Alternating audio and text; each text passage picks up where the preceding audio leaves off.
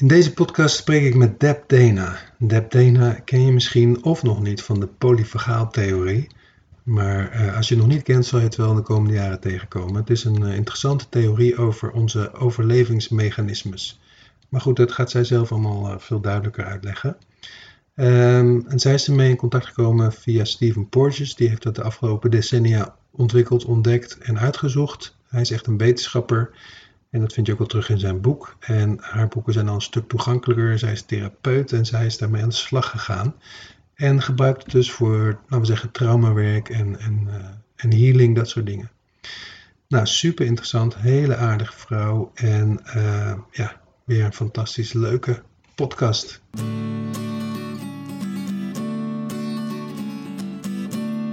Hoi, ik ben Steven van Rossum en dit is de Esoterre Podcast.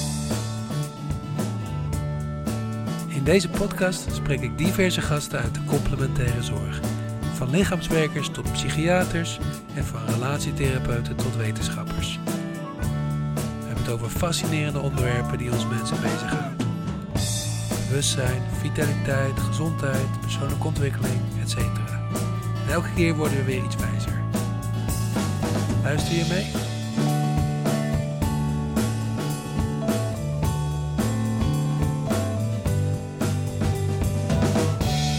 Well, thank you very much. Uh, it was a great honor. I've read most of your books um, that are translated in Dutch. And uh, um, yeah, maybe it's a very, a very boring question for you to explain maybe once more what polyvagal theory is. Is that okay? Because sure. I know a lot of people are not very familiar with it yet. Right, and I love that you put "yet" on the end of that sentence, right? Because we're we're we're getting there. And I I did say in my my book that that's my favorite word. You put "yet" on the end of any sentence, and it feels like we're moving towards something. So yes, let's let's just think. I think about polyvagal theory as the a theory of how our autonomic nervous system works. So it's a theory that that tells us sort of um, why and how we're moving through the day in the way we are. And I look at three organizing principles um, neuroception, hierarchy, and co regulation. And maybe we think about each of those in a, in a brief um, experience. So, neuroception is Steve Porges's wonderful word that he created to describe the way the nervous system listens to what's going on um, and then prompts us to move and think in a certain way. Um, and neuroception listens through three pathways. It listens inside, outside, and between. So it listens inside our bodies to what's going on in our heart, our lungs, our digestion, our viscera. It listens outside into the environment around us to see what what feels safe, what feels unsafe, what makes me feel welcome, unwelcome, and then it listens between. So it listens between nervous systems. So your nervous system and mine are, are having a conversation right now, even though our brains are are having a different conversation, right? And that's the thing about neuroception. It is below the level of our cognitive awareness. And so it happens in the background all the time. And we don't become um, um, aware of it until we feel some sort of a change happen. Either we, we feel our body change, or we have a thought or a feeling or a behavior. And that may, oh, neuroception just prompted this state change, which takes us to the second organizing principle, which is hierarchy. And the hierarchy is Steve's wonderful way of, of identifying this way our nervous system evolved over many millennia, and actually how it evolves um, as we're developing as a fetus in the same same way. So we have this this um, earliest part of our nervous system, which is called the dorsal vagal system, and it is the system that when it's running um, the insides in a regulated way um, brings us um, nutrients to nourish us. It runs our digestive system. And when it's pulled into a survival energy um, it takes us out of connection into some form of collapse right? So we feel the energy draining from our system. We can't we're no longer present in the same way. You can you can feel it as it happens, um, and that's your nervous system responding to something that feels overwhelming, a life threat that something you can't escape, and you know because you know, long, long ago, that actually could have been, you know, a bear or a tiger. In this day and age, it simply can be, you know, my overwhelming to-do list that feels inescapable. Mm-hmm. That can take me to that that place of of shutdown and collapse. The next system to come online is our is our sympathetic nervous system.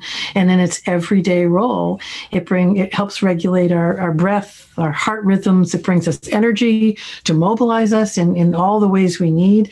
And when it's pulled into a survival role it brings us that very common experience of fight or flight and we all know that one where we're we're flooded with cortisol and adrenaline and the, the energy is disorganized and chaotic and, and, and we can be incredibly anxious or very angry right? So that's sympathetic. And then the newest part of our nervous system um, is the ventral vagal system. So dorsal and ventral work together as the parasympathetic, and then we have sympathetic in the middle. So this ventral is the newest part of the parasympathetic, and it allows us to do this to connect, to communicate. It yeah. brings healthy homeostasis, yeah. right? That's its job to, to to help us navigate the world in ways that feel organized and purposeful and bring our passions to life. Yeah. So that's the second organizing principle.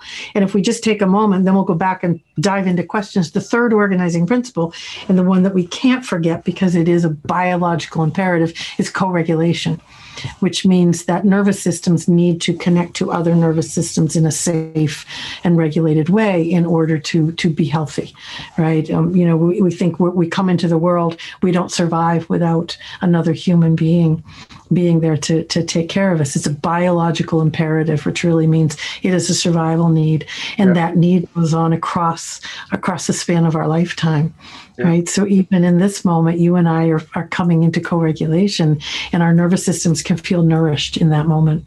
Yeah, yeah, yeah. Wow, you, you just explained the whole theory in, in a couple of minutes. now, now we get to ask questions. exactly. Now we get to dive in. We get the overview, and then the question is, oh, so how does that apply to my life, or how does that, you know, what what does it mean if I understand this, right? Yeah. yeah. Well, yeah. well, if I may, my first question.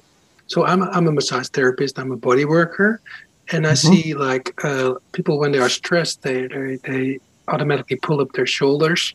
Mm-hmm. Um, mm-hmm. Is there a link with the dorsal vagal system? Is it like pants are there? So, so dorsal, so so that sympathetic system, really rigid muscles, and you can you can see the, the rigidity happening. The dorsal is more of a, a, a slump or a collapse, and the the flaccid muscles, right? And and sometimes I'm a psychotherapist, so I'm looking from the outside in. You're you're you know touching and feeling, but you can you can you can see the the the the slumped shoulders or the head down or the yeah. or you know that inward movement. Sometimes um, my clients can be in that place but it's not visible from the outside right? But they're feeling it on the inside. They're feeling that internal collapse. So so it's interesting. See sympathetic's more easy to see because it, it's it's such a surge of energy that you see the muscles tighten or you can or the heart rate or the, or the breathing. You, you notice yeah. it a bit yeah. a bit more easily. Yeah yeah. Oh, yeah. Of course, you're right. Because um, what the other the other uh, thing I see is that people are making their front their frontal side smaller, and when they're when they're uh, well when they're depressed, uh, yeah. very very characterized, but they yeah. they make the ventral side smaller. Yes. And yeah. Yeah. I had a, just I had a discussion uh, just the other week. Uh, we were talking about uh, is it because they want to go into a fetal position? And I said, well, maybe it's even because we want to go back to the moment we weren't walking on two feet, but on four. Yeah. So maybe that's safer for our ventral. You know, it's a, yeah, it's a um, when we're regulated in ventral, right? Then we feel safe to to move through the world. It's the the experience is the world is a safe enough place and i'm safe enough in it mm. right? And so i can i can i can you know walk tall. I can i can take up space right? I can either flex or relax my muscles all of those things. In in a in a vent in a dorsal place you know that the sense it, it, well, let me tell sympathetic first is is the world's dangerous and I'm surrounded by dangerous people. And it brings you that I have to do something thing, right? In dorsal, it's more an experience of um, the world doesn't exist and I'm I'm not in it, right? It's yeah. sort of a floating away, not here place. Yeah. And so there's often a um, you know that that retreat. And and remember all these things are are we're not choosing these. So our nervous system is simply taking us. And so the response of curling in is the nervous system's collapse you know at its extreme back into the fetal position right? Um, but it trying to find a place where it feels safer yeah. right? So so walking upright being seen is is life threatening, what happens? I get smaller, I curl down, I, I lose my um, um, eye gaze, I don't connect um, through through gaze, and, and I'm gone to another place.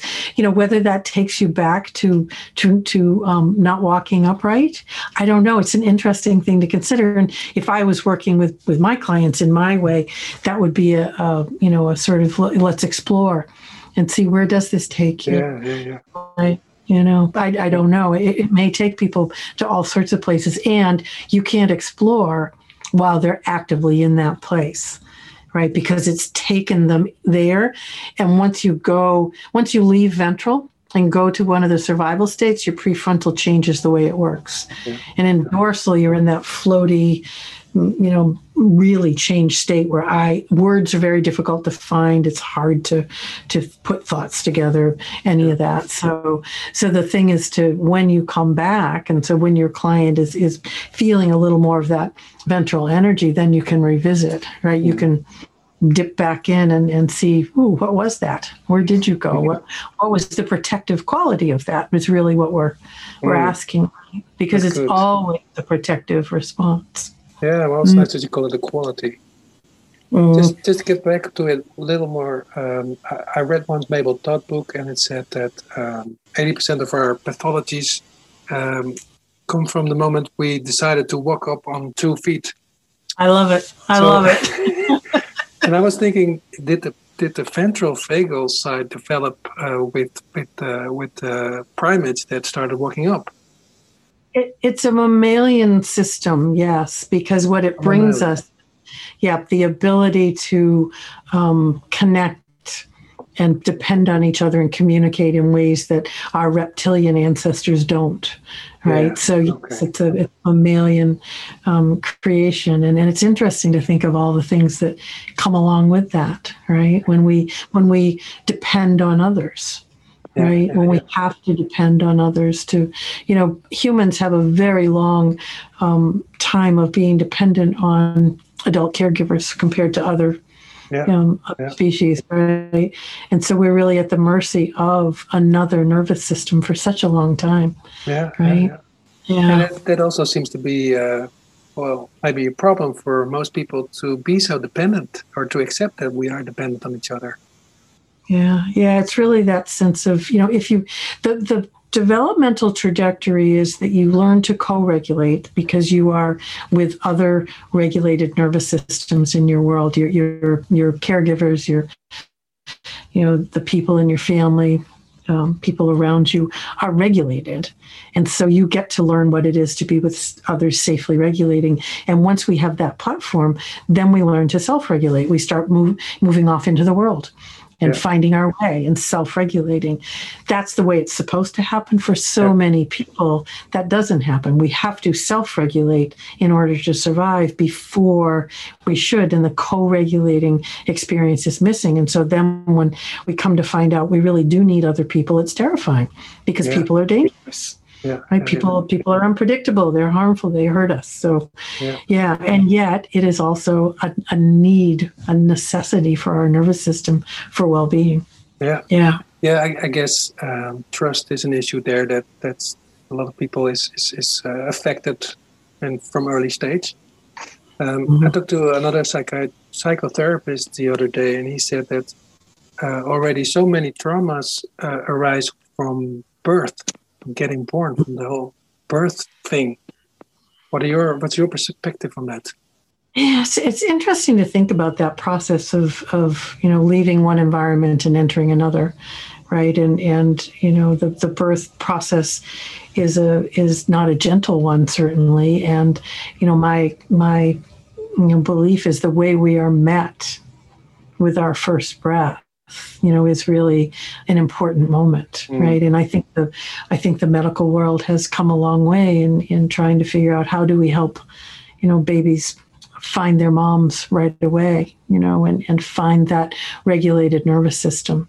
Yeah. I have a colleague who's a neonatologist and really is working hard to, to help babies who are born um, in distress and born, you know, with medical issues that mean they can't be with their mm. moms how, how do we how do we help those babies find enough safety in the environment so that they're not um, just feeling the the cues of danger all the time right? Yeah, yeah. You know, it's, and it's it, it, again the cues of safety um, are important to look for. And you know, Ed Tronick's beautiful work on on attachment says that you know we really um, only need to show up and be attuned in this way 30% of the time in order to to have a safe, secure attachment. But the difference between safe, secure, and the insecure, disorganized is that the caregiver recognizes the misattunements and makes a repair the other 70% of the time, right? Yeah. So it's not that we have to do it perfectly, but it's, it's we, have, we have to be tracking and notice, oh, that was that was a moment of rupture, of misattunement. Yeah, Let's yeah. make a repair. Yeah. So, yeah, yeah. Okay. And is, um, I was wondering, so you have the three three systems, survival systems, can I call them that? Mm. Is it mm-hmm. so that when you are the younger you are, the you are more prone to get into the first one, the dorsal vagal, or can you get in any one at any certain age? Yeah, it's a, it's a great question.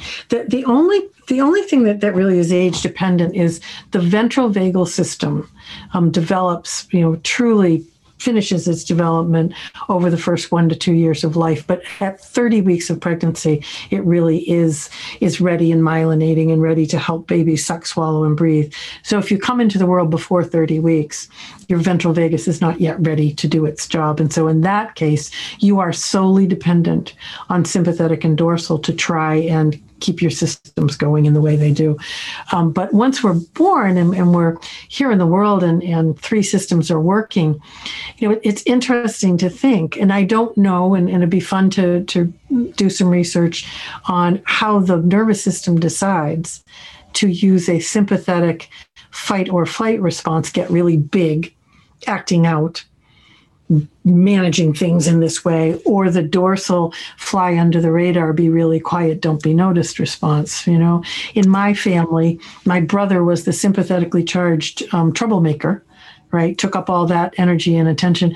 I was the dorsal um, l- let's just be invisible not seen because that was my safe place. I don't know why you know? It's fascinating but i don't know why. So no it, you know either of these two survival systems are are there waiting yeah, um, yeah. to to rescue us from the danger that it that the nervous system is feeling in the world yeah but I, I can imagine. Uh, I mean, uh, I don't know if you know the char- character uh, character structures of Lowen or Reich. It's, it's uh, based on the psychology of the development of a kid, and at certain mm. ages you develop into a certain body. I just know for myself that uh, I have been living a lot of my life in the dorsal uh, response method. Yeah. And uh, I, I, linked it to my own life where I was in already in uh, uh after birth, a very young age, in a in a, a unsafe uh, environment. Yeah. Um, yeah. And uh, as I grew up, I always realized that it took me a couple of weeks to, after a conflict, to know what I should have done. And in during my ah. life, that that that that time has become shorter and shorter. And yeah. now, when I'm in a conflict or something uh, scary or more more moving, I uh, I can sometimes be there at the moment. See, that's a lovely um, trajectory of you shaped your nervous system, right? In the beginning, you were taken to dorsal as a survival response, adaptive survival response, and it takes a long time to come back from that place and to feel the energy of ventral returning. And only in ventral can you reflect and think, what what could I have done yeah, differently, right? Yeah. And and then it got shorter and shorter, you spent less time. You could recover more easily. And now, what you're saying, there are moments when you stay anchored in ventral, where you don't go to that dorsal place. And in the moment, you have access to your prefrontal and you can make decisions and plan from that place. That's yeah. really beautiful. That shows the, the lovely um, experience that our nervous systems can be shaped over time. Yeah. I think that's the hopeful piece about polyvagal theory is that we're always shaping our system. Right. Because, because that's the good news, right? You you say in your books you can heal with this uh, theory also. You can yeah. use it. Yes. Yeah, I, I, like to, to say to people now that my goal is to help everyone become an active operator of their own nervous system, right? so that they too can understand how to do what you did yeah, right? Yeah, because yeah. we can all do it. We all have this amazing ventral vagal system inside us. And the pathways of healing that come from that are there for everybody. They are covered up.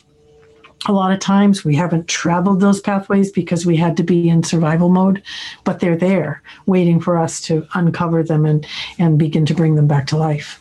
Yeah, yeah. Hey, and um, I mean, we have these systems uh, for already millions of years or hundreds hundreds of thousands of years. Mm. So how come this is a, a new world theory? Yeah, it's that's a great question because yes, the, there's there's nothing new here. What Steve Porges did when he developed his theory was he, you know, in the laboratory began to look because the question was he was working with um, um, in neonatal intensive care units and looking at these, you know, tiny babies, and was looking at the ways that um, sometimes um, the vagus would lower the heart rate so much that it could become dangerous. And the question was, you know, how is that happening? How can the vagus be both life affirming and life threatening? One, one, way it regulates your heart, the other way it slows it so much that you die. The, the bradycardia that happens. Yeah. We knew really, we knew clearly the sympathetic nervous system was the stress system and brought the tachycardia and raised yeah. the heart rate.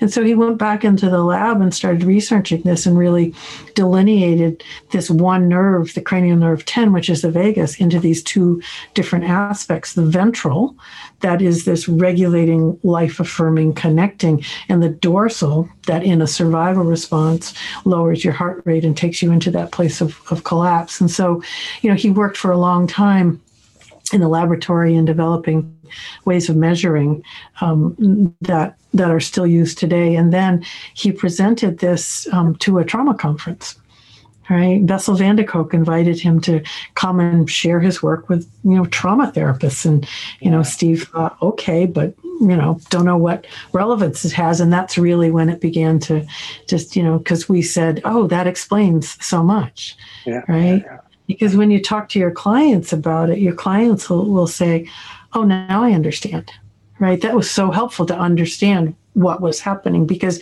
the old way of thinking everything was a sympathetic trauma stress response just didn't explain what was happening. So you must find that in your work with with clients because you understand their systems. You can help them understand their systems and and it's a powerful moment for clients to see themselves in that science. Yeah yeah yeah. Well i think it, maybe it's uh, newer for science but uh, uh, it's ancient old and there's also lots of uh, sayings like your gut feeling and uh, we have them in dutch too um, yeah I just read uh, yesterday that that there's now a scholarship for a study into the gut feeling uh, uh, and the, the, the, brain in the in the stomach uh, in the in the yeah, university. Right. Yeah. yeah.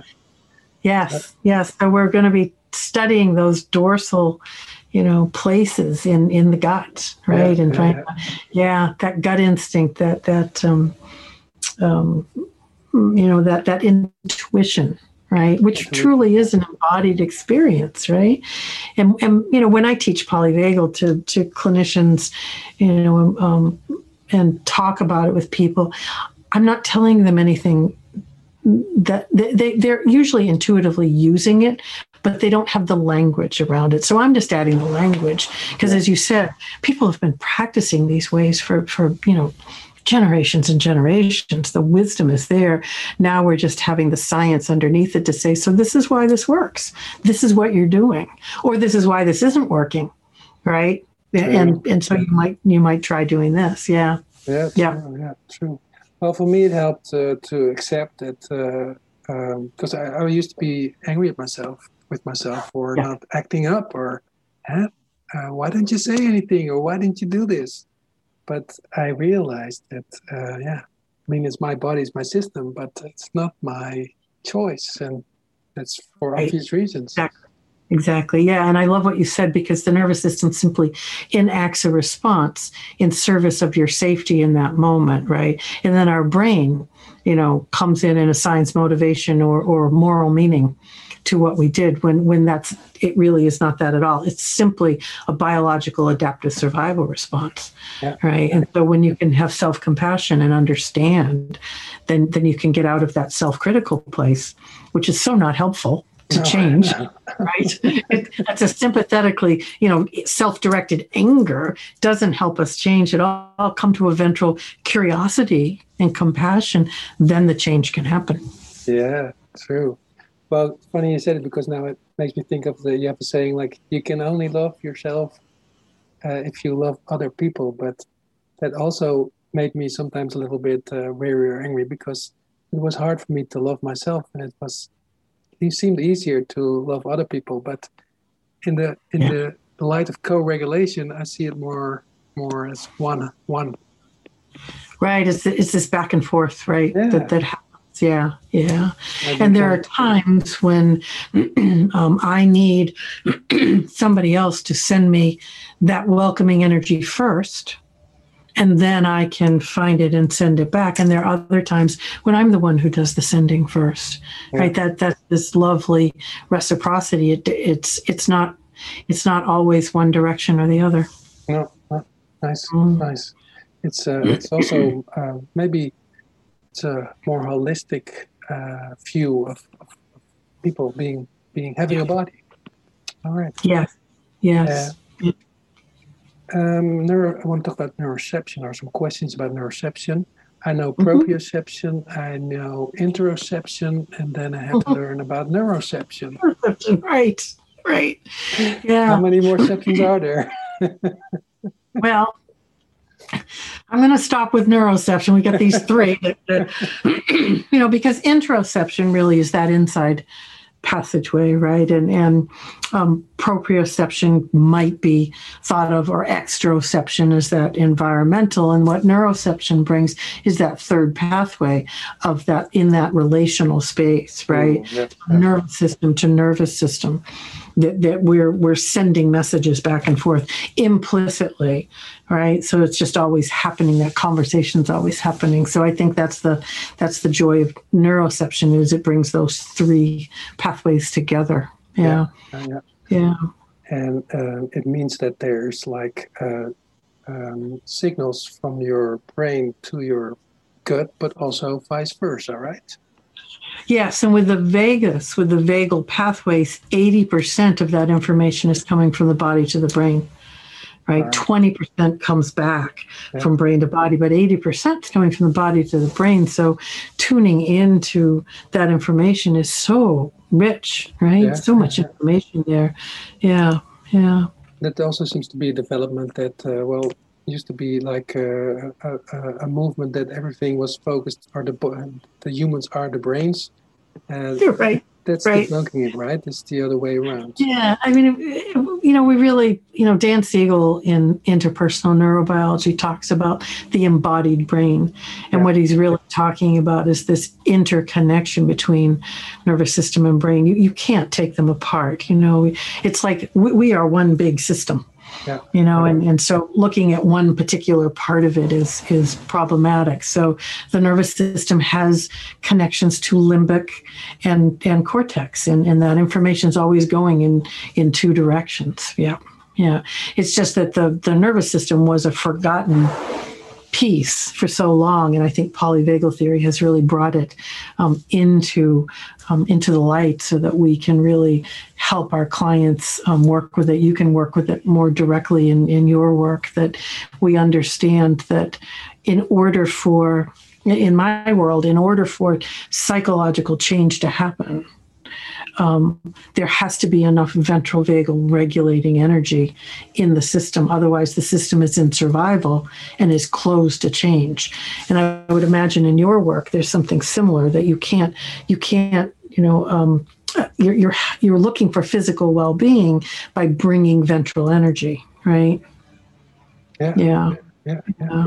Yeah. Yeah. Yeah. yeah exactly. And you need also to feed that energy. And that's what Yeah. I read from your book also. Huh? You can feed yourself with if you know what what feeds you with that energy or with that system. Right. Right. Um, I was thinking about. Um, oh, forgot. Um, in your book, you mentioned the the ladder, the polyvagal ladder, yeah. uh, which which describes those three phases and um, helps you also gives you tools to uh, to get out of the the the, the lower. Uh, can I call Yes, them lower? Yeah, yeah. the lower steps, right? Right, right. Yeah, I I love Steve's work, and I and I read his um, his first book, and then read a bunch of articles and thought this is brilliant. And now how do I bring this into my clinical work? Because it's one thing to know it, and then it's like, well, how do I apply it? And so then, um, you know, I met Steve. He he came here to to my my state. He came to Maine and did a, a two day workshop for my colleagues, and we got to know each other. And, and it was a lovely sort of meeting and, and a sense of, ooh, he has this brilliant scientific brain. And I can translate that into clinical application. And this sounds like a really lovely partnership. And it has been for all these all these years. But you know, my my colleagues in the beginning um, would listen to me. They were they were lovely. They would always listen, but then they would say, "Yeah, but what do I do with that?" Right? You know, that's Yeah. always the question. Yeah. What do I do with that? And so, Yeah.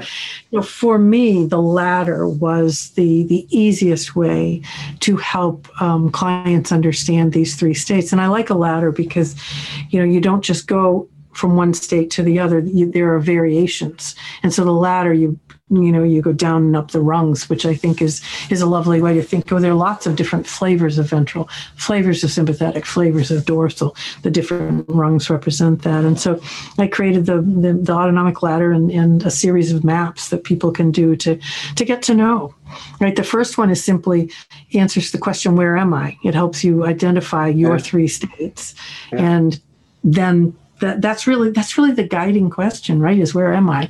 Because if i don't know where i am then i don't know what i need to do right? So True. that's the Yeah. beginning. The second question helps people identify what what gets them to a survival response or what gets them what what are the moments of of being in ventral right? So the triggers you know the things that take you into sympathetic or dorsal and i call the glimmers that the moments that you are in in ventral. And then the third map is called the regulating resources map.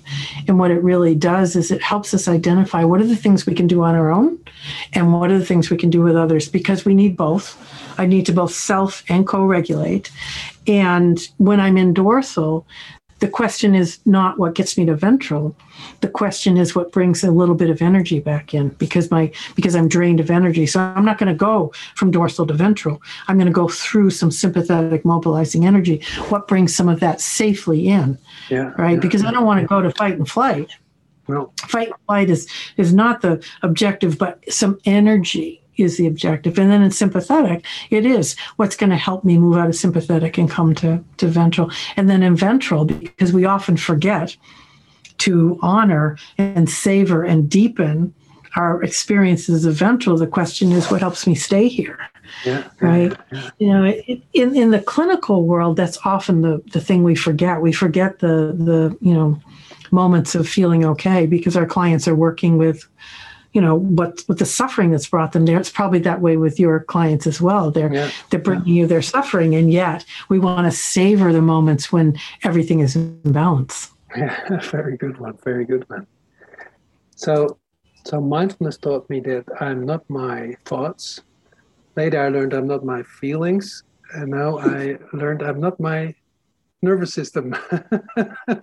well, I am, but I'm not my sympathetic or right you know yeah it's, it's an interesting thing to think about isn't it because you know if you think you're not your your thoughts or feelings or stories you know yeah. the our thoughts our feelings our behaviors our beliefs our stories um, all emerge from the state of our nervous system right the, the thing we talk about is state creates story because if i'm in a sympathetic survival response the story is going to necessarily be one of, of danger right? I can't create a story of safety and connection from sympathetic because my biology doesn't support that, right? And in dorsal, the story is something about, you know, being unseen, abandoned, lost, alone right? I can't have a story that says, oh, you know, we're going to have a good conversation today because my biology has taken me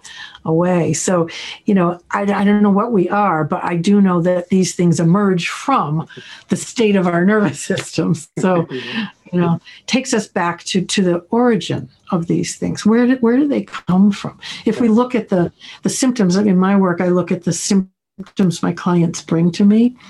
And then the symptom is the nervous system trying to tell me something. So my my my work is to say, let's let's explore what the nervous system is trying to tell us. I would yeah. assume in you know in hands-on therapy, it's the same thing. Yeah. You know, you're you're trying to know what is the nervous system telling us. Yeah, yeah. Well, if you mm-hmm. if you say it like that, it it feels more like uh, all systems are there to help us. Huh? I feel sometimes that they're against me, yes. but they're to help to help me. They have a quality. Beautiful. Yes, that's exactly right. And that's why we usually, you know, put the word adaptive in front of survival. It's an adaptive survival oh, response. Yeah, you know, in, in, the moment, the nervous system is simply trying to help you. And to get to know, you know, why is, is a lovely experience. You know, and one of the ways that that I do it is to have clients say, so if my sympathetic nervous system wasn't doing this in the moment, what is it afraid might happen? Because it's protecting you from something worse, wow. right? The, wow. the, same for dorsal. So if, if this wasn't happening, what's what's the fear that might happen, right? And then we get to we get to understand a bit. Yeah. So now I'm thinking like um, systemic work. Is that English word? Do you know systemic work? Um, well, is it so that if the dorsal is responding, is it because the other ones are absent, or is the dorsal one the most uh, present one? Does it push the others away, or is it? Well, I guess that's not relevant, is it? Well, it's interesting because if you if you look at sympathetic, and sympathetic is in the middle, we have ventral, sympathetic, dorsal on a hierarchy because these are on a hierarchy. Put them on the ladder.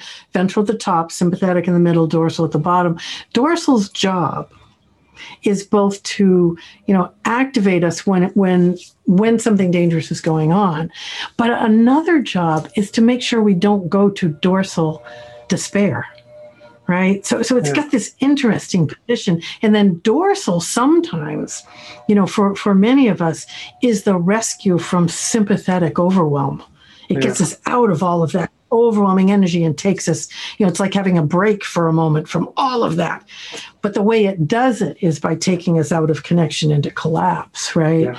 but they each have their own role and they and they're all in relationship with each other right? Ventral's job is to oversee the system so that sympathetic and dorsal can do those everyday roles in the background. Yeah, yeah right? Yeah. That's its job. Yeah.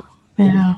Now, I was thinking like uh, if you experience a trauma, you are there with all your systems and you, yep. faith or something chooses one and maybe it's mm-hmm. a good therapy to relive it and uh, ask to to now what would the sympathetic uh, uh, or the dorsal vagal or the ventral vagal do yeah it's interesting and, and in my work because i'm a trauma therapist as long as there's enough ventral between my system and my clients in mine in theirs between um, then we can revisit we can review the trauma experiences that are held in sympathetic and dorsal and be informed by them. We can reflect on them. But as soon as we lose that critical mass of ventral, we're then reliving the trauma moment, which is not what we ever want to do. So again, it's up to ventral to bring enough so yeah. that we can be informed by it. We can go back and revisit it. We can be curious about it. We can yeah. we can begin to understand it differently. Yeah. So the ventral vagal system can bring you by your hand back to situations which you couldn't cope, and now maybe you can look at. Yeah. Exactly. Exactly. Yeah. And uh, I asked this before, but now I'm thinking it again. Is it like? Oh no, this is another question. Is the the the the the the, the, the, the size or the fears of the trauma does that uh, induce the, the the response with systems? So uh, we first, when we leave ventral, the first stop is sympathetic for everybody because we go down the hierarchy. Mm-hmm. Um, and some people ride out the traumatic experience in sympathetic, that their, their system just keeps pumping the adrenaline and cortisol, right? And then for other people, there's a quick stop in sympathetic and then the dive to dorsal. I don't know why. It's simply the way the system's organized. Yours and mine went to dorsal. We, we quickly stopped in sympathetic and then went to dorsal. Yeah. You know, other people stay more in sympathetic.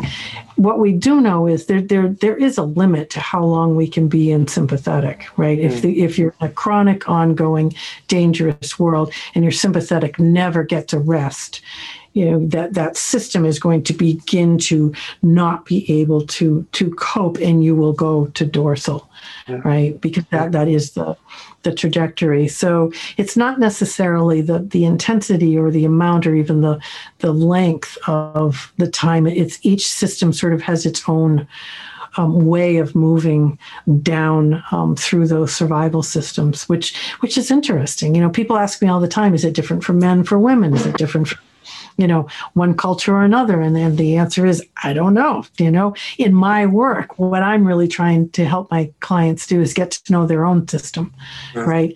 And and then reshape it. So I, I, kind of in that individual place, but yeah. it's interesting to think about. Yeah. You know. Yeah.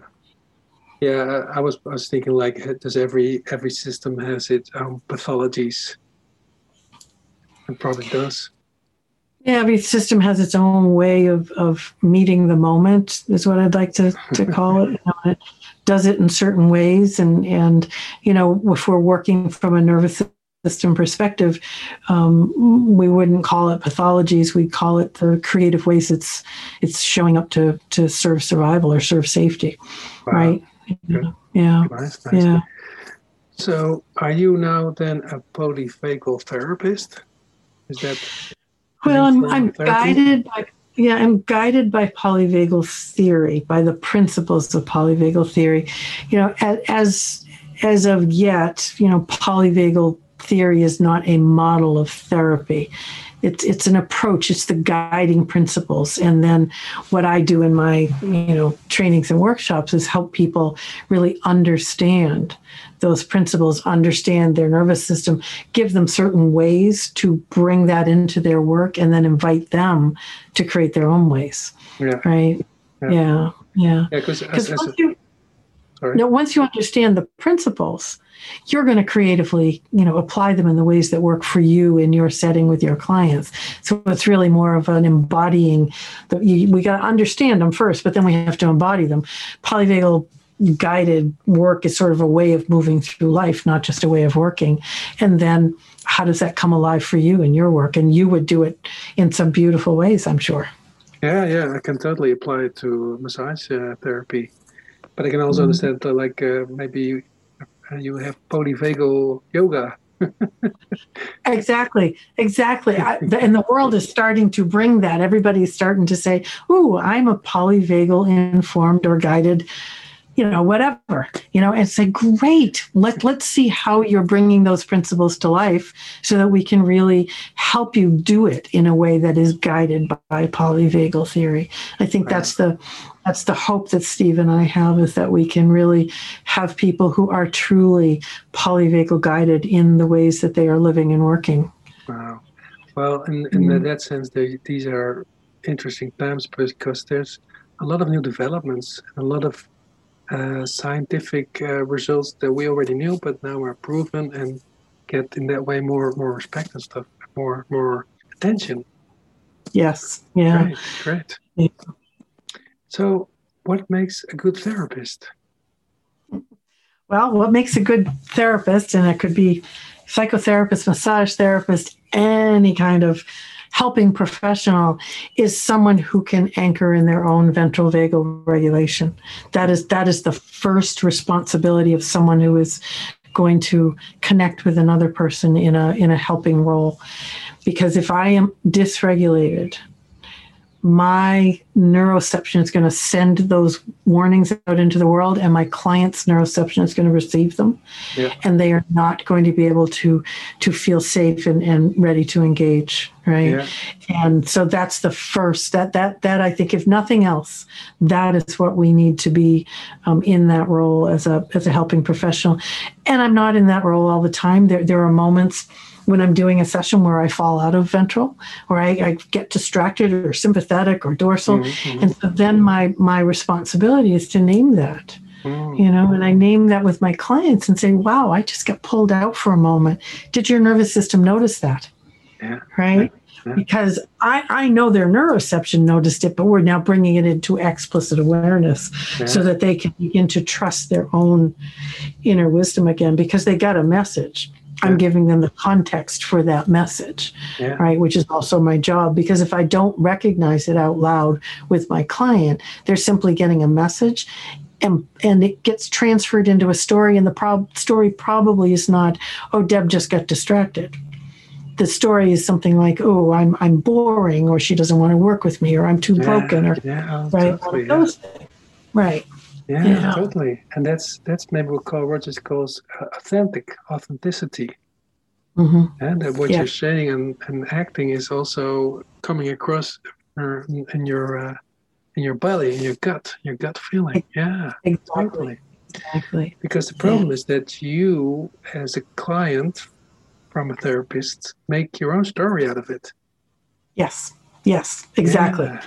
Exactly. And and for you, massage therapist, th- there's lovely research that says th- that your touch is telling my nervous system what's happening in your nervous system. Yeah, yeah, yeah. So if you're going to be my massage therapist, I certainly want you to be regulated and welcoming and safe because that's the touch that I want to receive, yeah. right? Yeah.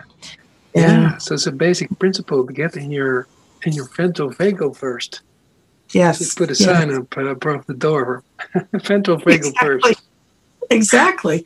No, exactly. true. I, I, teach my students like I can teach you so many techniques, but it ends and starts with with the touch, yes. with connection.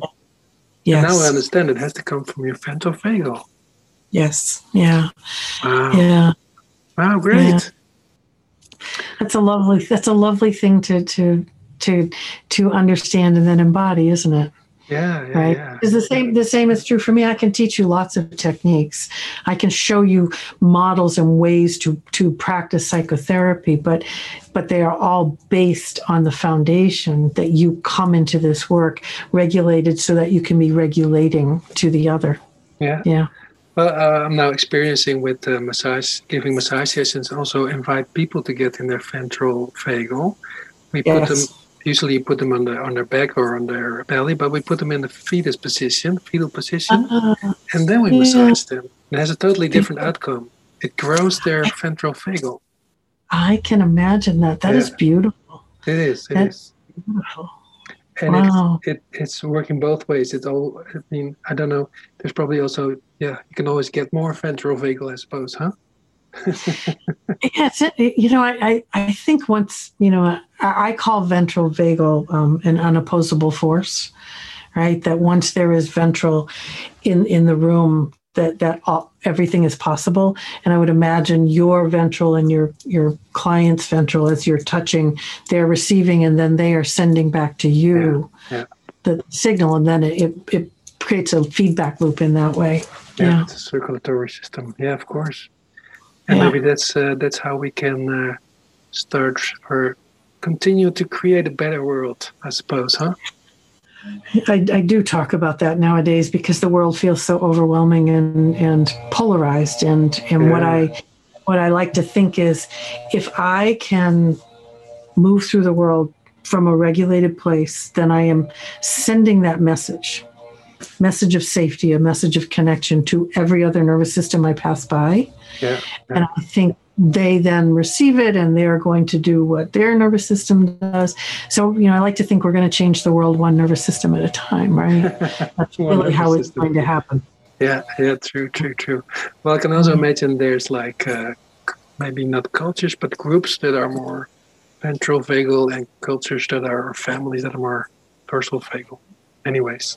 Right. And you know, that that brings safety.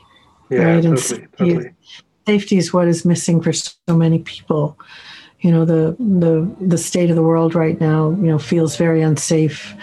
Um, you know, the pandemic has has brought, you know, a biological um, unsafety because we we haven't been able to connect to be yeah. with um, you know, and then we have the all of the systems that are broken. We have the the systemic racism we're we're working with. We have all of these big things, and the only way we're going to be able to come into the difficult conversations and connect around them is if we have enough ventral.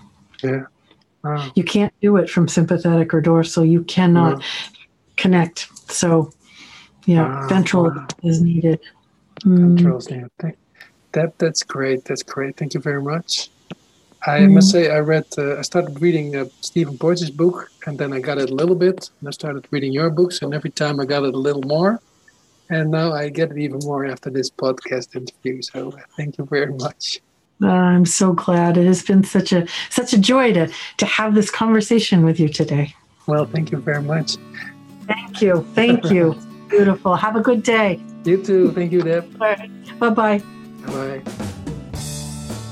Deze podcast is gemaakt door interviews Stefan van Rossum, redactie Esme Donker en Maurice de Gruiter. Muziek is van Stefan Alexander. Heb je interessante gasten of onderwerpen? Laat het ons weten. Vind je de podcast leuk? Vertel het aan andere mensen. En volg ons op Soundcloud, Spotify of iTunes. Bedankt voor het luisteren en tot de volgende keer.